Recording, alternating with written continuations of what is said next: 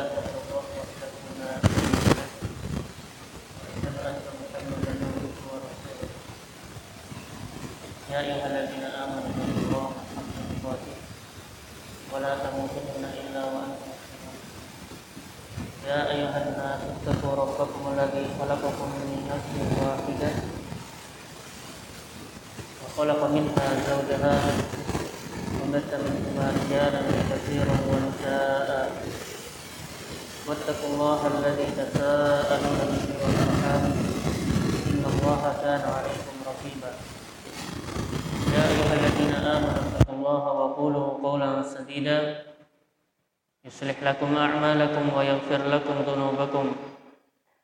ومن يطع الله ورسوله فقد فاز فوزا عظيما أما بعد. فإن أصدق الحديث كتاب الله وخير الهدي هدي محمد صلى الله عليه وعلى آله وسلم وشر الأمور محدثاتها فإن كل محدثة بدعة. وكل بدعة ضلالة وكل ضلالة في النار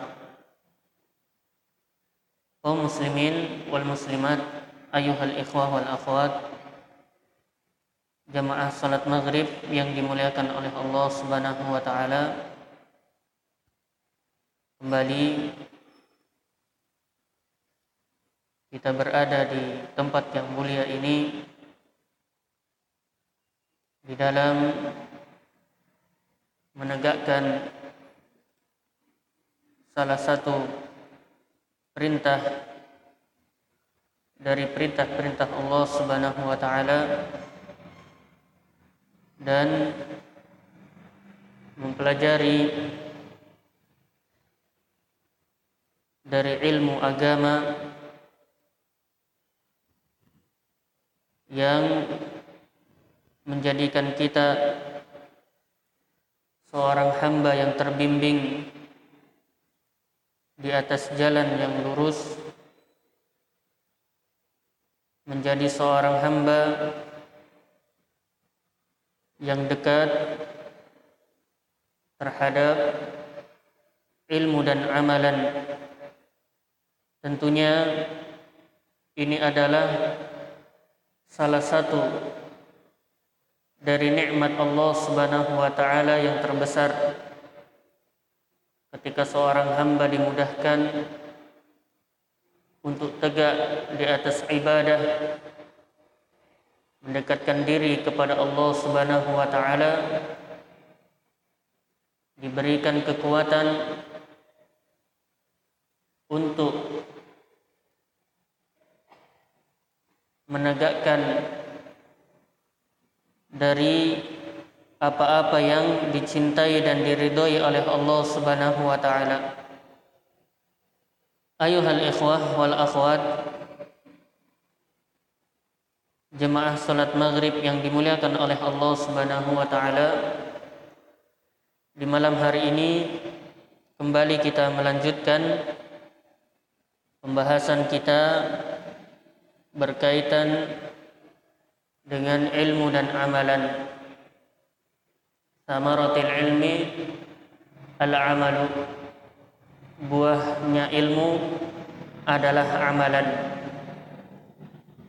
Yang telah kita bahas telah kita baca dari pertemuan-pertemuan sebelumnya dari perkara pertama kedua sampai perkara kedelapan.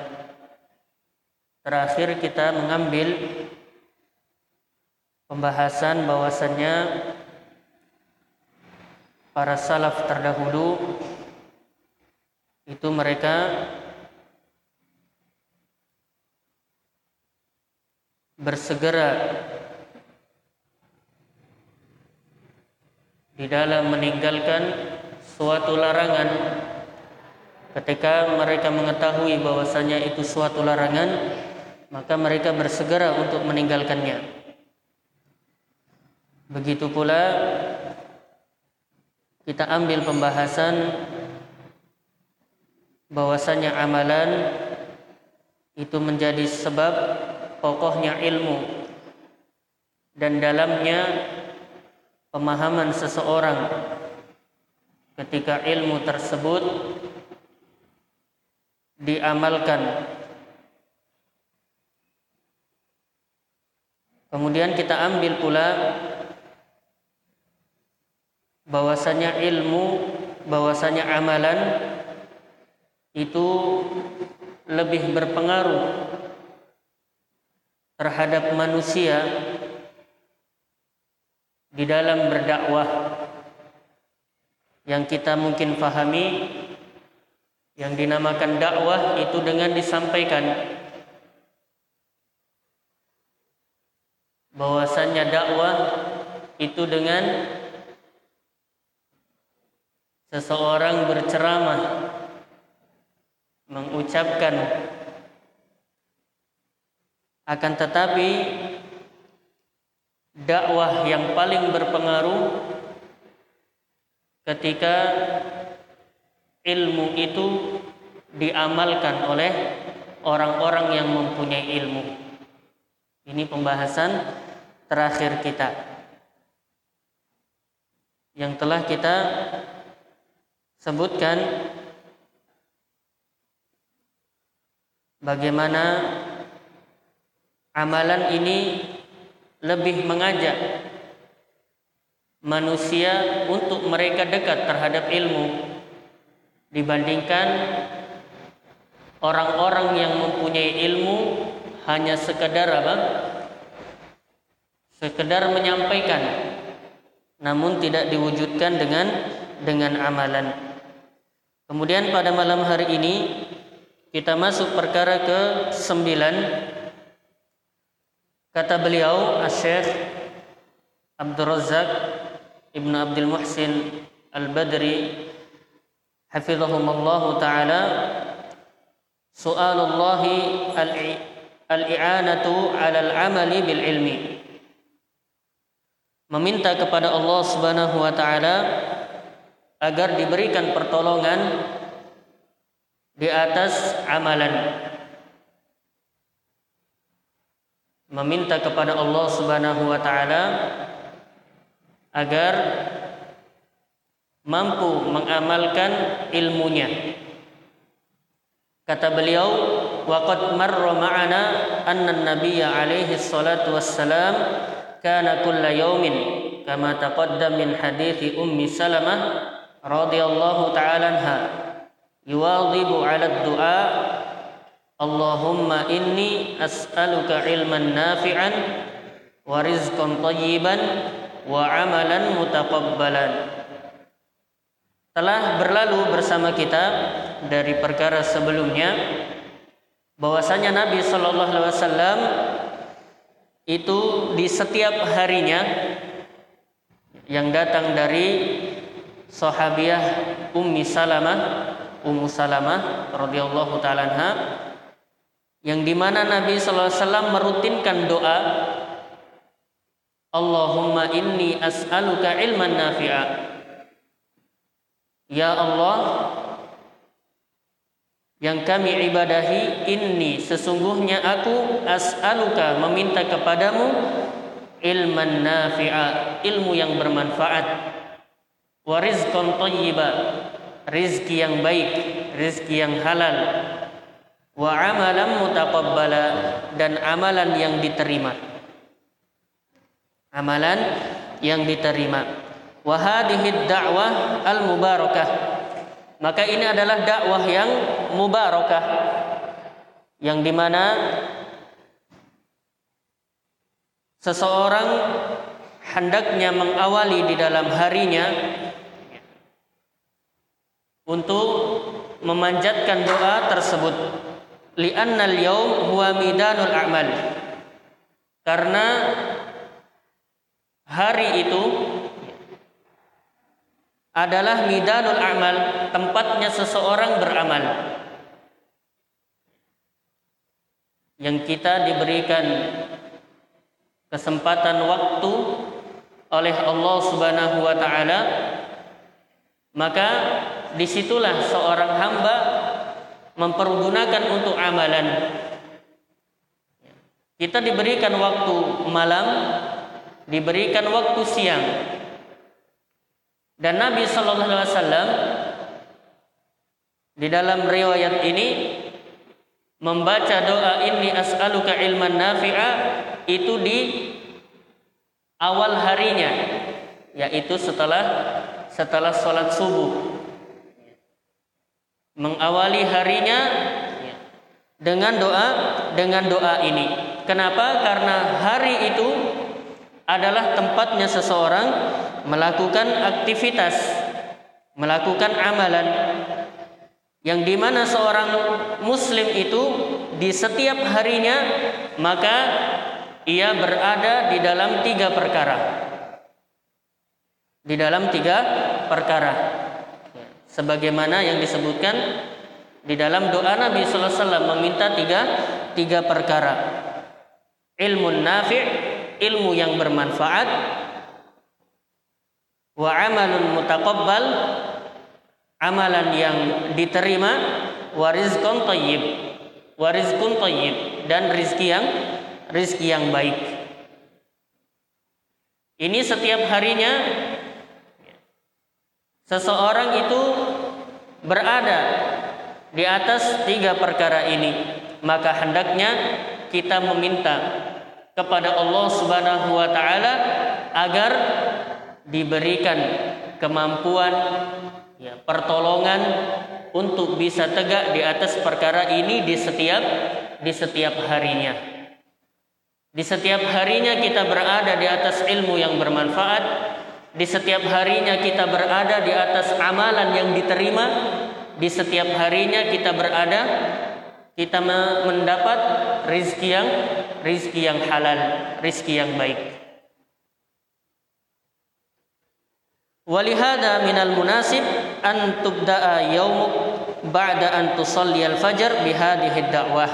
Maka dengan perkara ini seharusnya ya, kita memulai hari-hari kita ketika selepas sholat fajar untuk membaca doa ini Allahumma inni as'aluka ilman nafi'an wa rizqan tayyiban wa amalan mutaqabbalan. Thumma tantaliqu fi yaumik. Kemudian beranjaklah menuju hari tersebut. Kemudian jalani hari hari tersebut. Maka ini hendaknya jangan apa? Jangan dilupakan bagi setiap hamba untuk membaca doa ini. Wa qadista'anta billah dan sungguh engkau telah meminta pertolongan kepada Allah Subhanahu wa taala yang di mana engkau meminta agar dimudahkan meminta agar dibantu oleh Allah Subhanahu wa taala di dalam menuntut ilmu meminta kepada Allah Subhanahu wa taala agar dibantu di dalam melakukan amalan dan dibantu oleh Allah Subhanahu wa taala untuk mendapatkan rezeki halal. Akan dimudahkan oleh Allah Subhanahu wa taala dengan kita membaca doa doa ini. Jadi ya, itu adalah salah satu perkara yang hendaknya dikedepankan oleh seorang hamba di dalam apa? Di dalam ia meminta bukan hanya sekedar ya, ilmu akan tetapi dibarengi dengan apa? Dibarengi dengan dengan suatu amalan. Maka ini adalah buahnya buahnya ilmu. Taib, selesai dari pembahasan yang ke-9 Kemudian perkara yang ke-10 ini perkara yang terakhir dari pembahasan ini. Kata beliau hafizahullah taala, "Dzammu man la bil amal." Celaan bagi siapa yang tidak menyibukkan dirinya dengan amalan. Jadi perkara ilmu jelas. Talabul ilm faridatun ala kulli muslim. Menuntut ilmu itu kewajiban bagi setiap mus bagi setiap muslim. Tapi keharusan orang yang mempelajari ilmu itu apa? Harus mengamalkannya.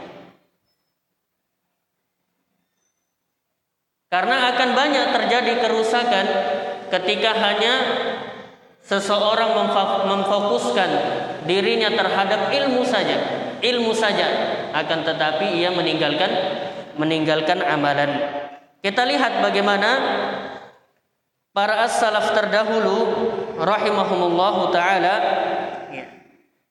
yang mereka menanggapi terhadap orang-orang yang meninggalkan amalan di atas ilmunya.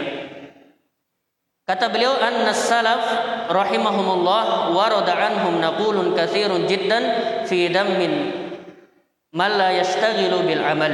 Bahwasanya para salaf terdahulu di dalam riwayat yang sangat banyak di dalam nukilan yang sangat banyak mereka mencela bagi siapa yang tidak menyibukkan dirinya dengan amalan. Wala ya'tani bil amal yang mereka tidak memperhatikan amalan. Min dzalik di antaranya qaulu Abi Hurairah radhiyallahu taala anhu. Ya. Yaitu ucapan Abu Hurairah radhiyallahu taala anhu. Kita kenal Abu Hurairah sebagai sahabat Nabi Sallallahu Alaihi Wasallam yang paling banyak meriwayatkan hadis. Ilmu beliau begitu luas. Mulazamah bersama Nabi betul-betul sangat kuat. Makanya ketika disebutkan periwayatan hadis, maka Abu Hurairah yang paling atasnya. Tapi apakah hanya sekedar riwayat yang dihafal oleh beliau? Hanya sekedar ilmu yang begitu luas yang beliau miliki? Beliau mengatakan apa? Matalu ilmin la yu'malu bih kama kanzin la yunfaq minhu fi sabilillah. Permisalan ilmu yang tidak diamalkan itu bagaikan apa? Bagaikan harta yang tidak diinfakkan di jalan Allah Subhanahu wa taala. Bagaikan harta yang dihambur-hambur saja. Bermanfaat atau tidak? Tidak bermanfaat. Itulah ilmu. Ilmu ketika tidak diamalkan maka tidak menjadikan manfaat terhadap dirinya tidak bisa menjadi hujah kebaikan untuk untuk dirinya. Makanya disebutkan oleh Nabi SAW di dalam hadis Al-Quran hujjatul laka au alaik. Al-Quran itu bisa menjadi hujah bagimu, hujah kebaikan penolong bagimu, atau sebaliknya bisa menjadi hujah atasmu, hujah keburukan, dan kita ketahui sumber dari ilmu itu dari mana? Dari Al-Quran. Dan orang-orang yang mendapatkan hujah kejelekan dari Al-Quran, dari ilmu adalah ketika mereka meninggalkan amalan di dalam di dalam Al-Quran. Makanya Abu Hurairah menyebutkan ini ilmu yang tidak diamalkan bagaikan harta yang tidak diinfakkan di jalan Allah yang hanya dibelanjakan terhadap perkara sia-sia. Wasuilal Imam Ahmad ditanya Imam Ahmad rahimahullahu taala an rajulin yaktubul ahadits fayuktar bahwasanya ada seseorang yang dia mencatat hadis begitu banyak maka Imam Ahmad mengatakan yang bagi ayyuk saral amal bih ala qadari ziyadatihi fit talab. Mudah-mudahan ia memperbanyak amalan pula sesuai dengan kadar ia menambah menambah ilmunya. Jadi bukan hanya sekedar berilmu, berilmu, tambah ilmu, tambah ilmu, tapi tidak wujud dari dari amalannya. Atau yang parah, ya, semakin lama belajar, semakin banyak ilmunya, justru apa?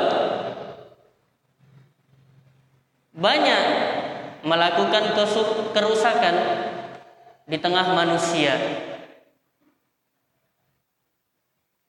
tidak menampakkan hikmah di dalam apa? Di dalam amalannya. Maka ini yang yang dikhawatirkan. Tayyib. Kemudian dari ucapan as-salaf pura disebutkan oleh Al-Khatib rahimahullahu taala kama la yantafi'ul amwalu illa bi infaqiha kadzalika la tanfi'ul ulum illa liman amila biha wa ra'a wajibatiha falyanzur li nafsihi فإن التواء قليل والرحيل قريب والطريق مخوف والإضطرار غالب والخطر عظيم والناقض بصير والله تعالى بالملصاد وإليه المرجع والمآد فمن يعمل مثقال ذرة خيرا يره ومن يعمل مثقال ذرة شرا يره. كتاب الخطيب رحمه الله تعالى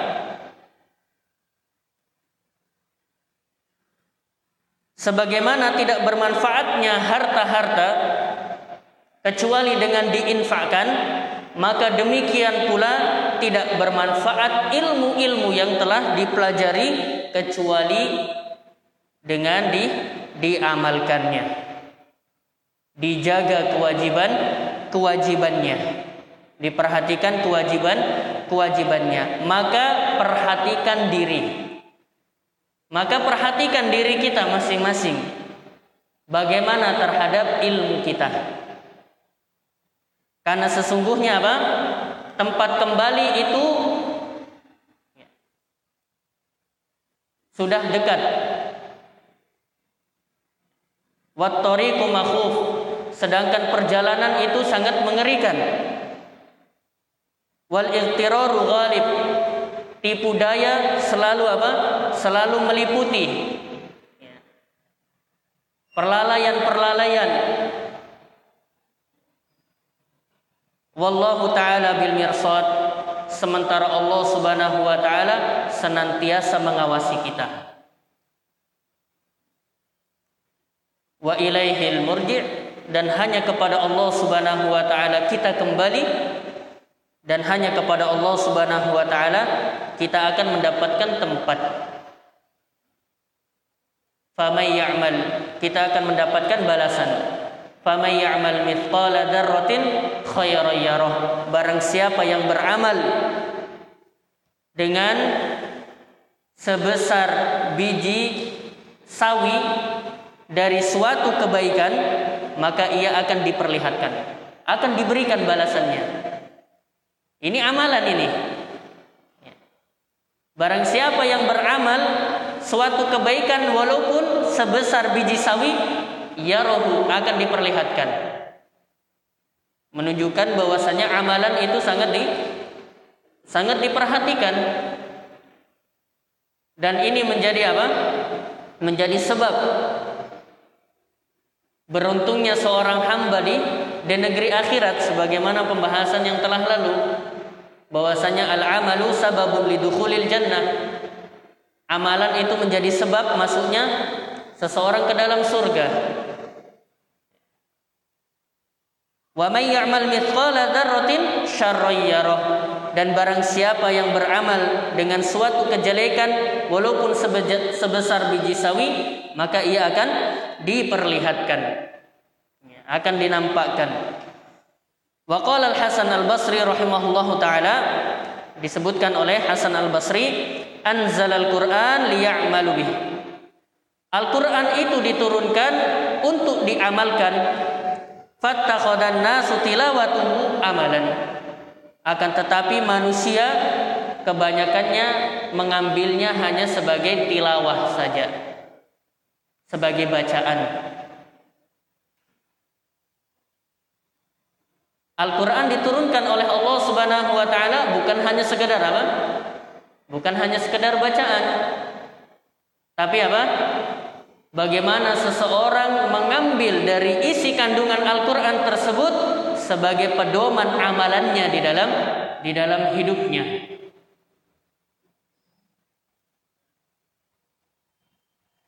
Makanya disebutkan oleh Ibnul Jauzi rahimahullahu taala yakni annahum iqtasaru ala tilawah wa tarakul amal bih. Yakni mereka kebanyakan manusia hanya membatasi Al-Qur'an itu sebagai apa? Sebagai bacaan saja. Jadi yang namanya mengamalkan Al-Qur'an itu kalau dibaca hanya sebatas itu dan mereka meninggalkan amalan isikan kandungannya. Padahal yang diinginkan adalah Al-Quran itu teramalkan apa yang ada di dalam di dalam kandungannya.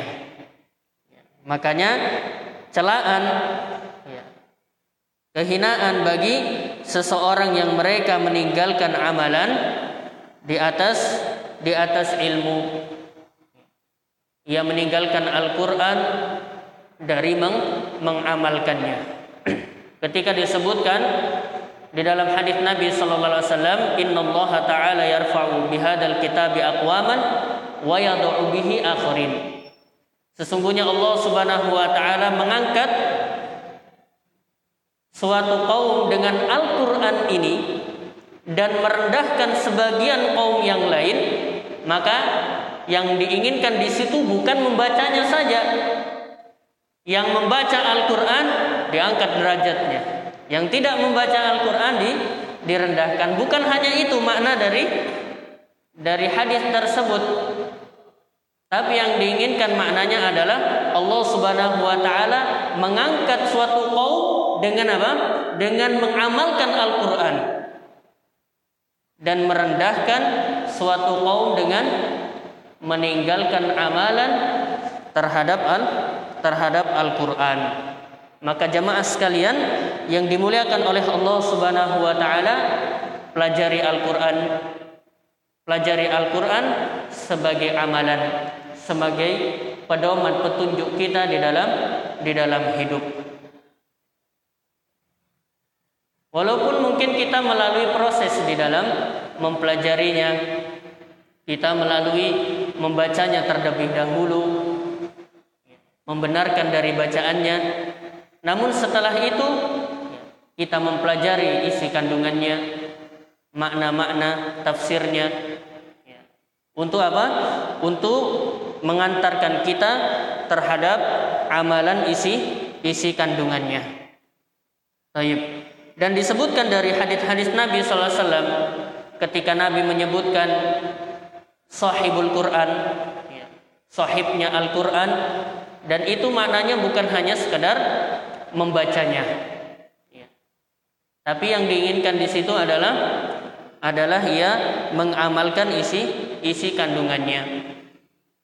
Taib.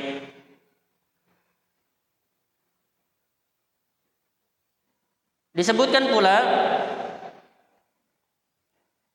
Waqala rajulun li Ibrahim ibnu Adham ada seseorang yang berkata kepada Ibrahim ibnu Adham rahimahullahu taala Qala Allah taala Allah Subhanahu wa taala berfirman katanya Ud'uni astajib lakum. Mintalah kalian kepadaku kata Allah Subhanahu wa taala astajib lakum. Maka aku akan kabulkan untuk kalian. Maka orang tersebut mengatakan fama baluna nad'u fala yustajabulana. Kami senantiasa berdoa kepada Allah Subhanahu wa taala akan tetapi tidak dikabulkan doanya. Akan tetapi tidak dikabulkan doanya. Perhatikan ya. ya. Dia senantiasa berdoa kepada Allah tapi tidak dikabulkan doanya. Padahal Allah Subhanahu wa taala telah nyatakan di dalam Al-Qur'an apa? Ud'uni as astajib lakum. Berdoalah kepadaku maka aku akan kabulkan untuk kalian. Maka Ibrahim rahimahullahu taala berkata kepada orang tersebut min ajli khamsati asya bahwasanya ya, penyebab dari perkara tersebut itu ada lima perkara. Qala wa orang tersebut mengatakan apa saja itu? Qala araftumullah falam tu'addu haqqahu. Engkau mengetahui mengenal Allah Subhanahu wa taala akan tetapi engkau tidak menunaikan haknya. Kita mengenal Allah Subhanahu wa taala bahkan yakin kalau berdoa Allah Subhanahu wa taala kabulkan. Tapi bersamaan dengan itu hak-haknya Allah Subhanahu wa taala banyak kita ting tinggalkan. Nah, ini menjadi apa? Menjadi sebab doa itu tidak dikabul.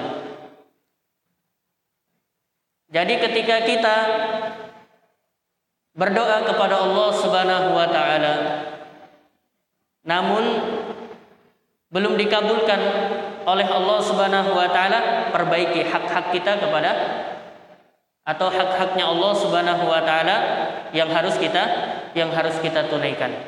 Perhatikan hak Allah. Mungkin ada yang luput, yang lalai terhadap diri kita di dalam menunaikan haknya Allah Subhanahu wa taala sehingga doa kita tidak di, dikabulkan oleh oleh Allah Subhanahu wa taala. Kata beliau lagi, wa qara'tumul Qur'an falam ta'malu biha fi. Bahwasanya kamu membaca Al-Qur'an akan tetapi kamu tidak mengamalkan isi kandungannya. Falam ta'malu bima fi. Bahwasanya kamu tidak meng mengamalkan isi kandungan Al Al-Quran. Di sini beliau mengatakan wa tumul Quran.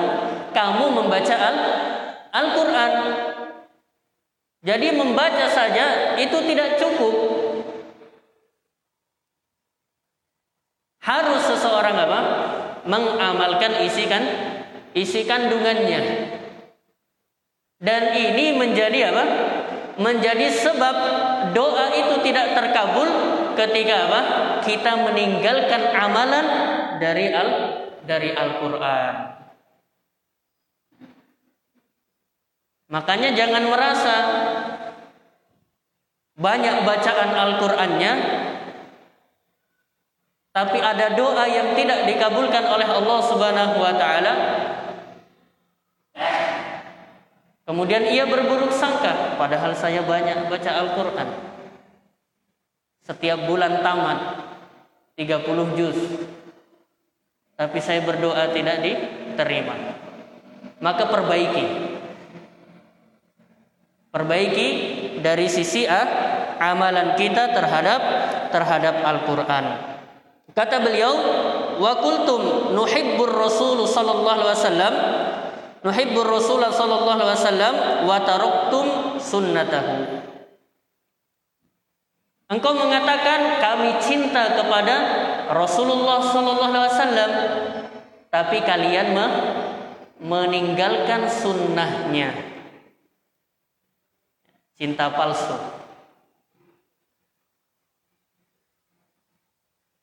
Mengaku cinta kepada Rasulullah Sallallahu Alaihi Wasallam, tapi apa?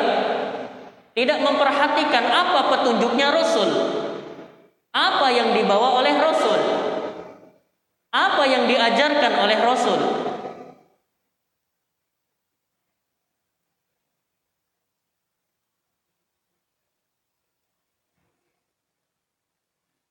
Atau mungkin dia hanya faham cinta terhadap Rasul kalau merayakan hari kelahirannya saja. Tentunya ini perkara yang salah. Harus apa? Seorang hamba memperbaikinya.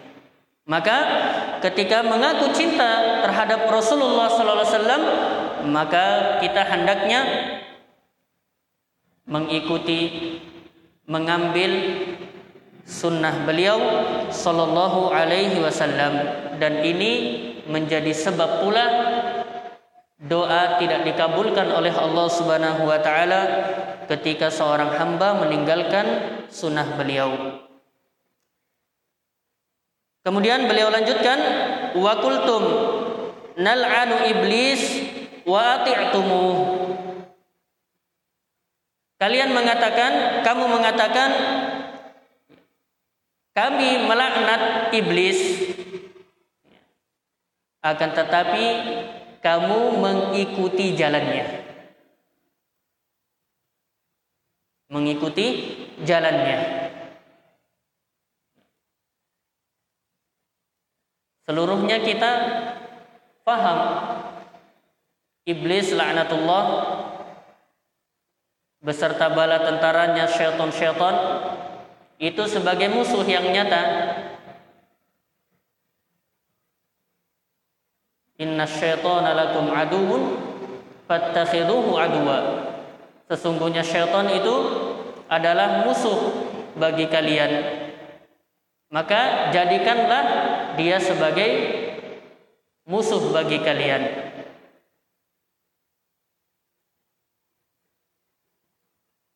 Tapi bersamaan dengan itu masih banyak di antara kita yang mengikuti jalan-jalannya.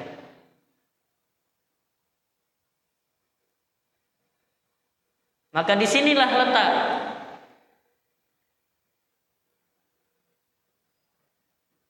doa-doa kita tidak diterima oleh Allah Subhanahu wa taala. Kata beliau wal khamisatu taraktum uyubukum wa akhadtum fi uyubin nas. Yang terakhir kamu meninggalkan aib-aib kalian. Kamu meninggalkan aib-aibmu dan kamu mengambil dari aib-aib manusia. Jadi kamu tidak memperhatikan diri, kekurangan, tapi selalu memperhatikan kekurangan orang lain.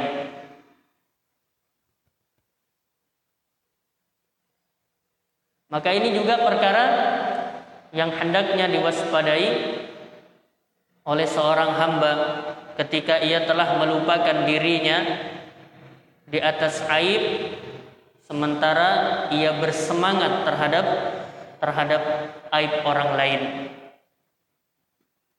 sehingga di dalam hadits Nabi SAW pun tegas ya, dan mendapatkan balasan yang agung di sisi Allah Subhanahu wa taala bagi orang-orang yang bisa apa? bisa menyembunyikan aib aib orang lain, aib saudaranya. Dan ini menjadi sebab tidak diterimanya doa seorang hamba ketika ia tersibukkan dengan aib-aib orang lain sementara ia banyak mempunyai ke kekurangan Taib. Dan di dalam lima perkara ini terdapat apa? Terdapat amalan yang ditinggalkan. Nah, ini yang disebutkan di dalam pembahasan ini yaitu apa? Seseorang meninggalkan amalan yang menjadi sebab tidak diterimanya do doanya.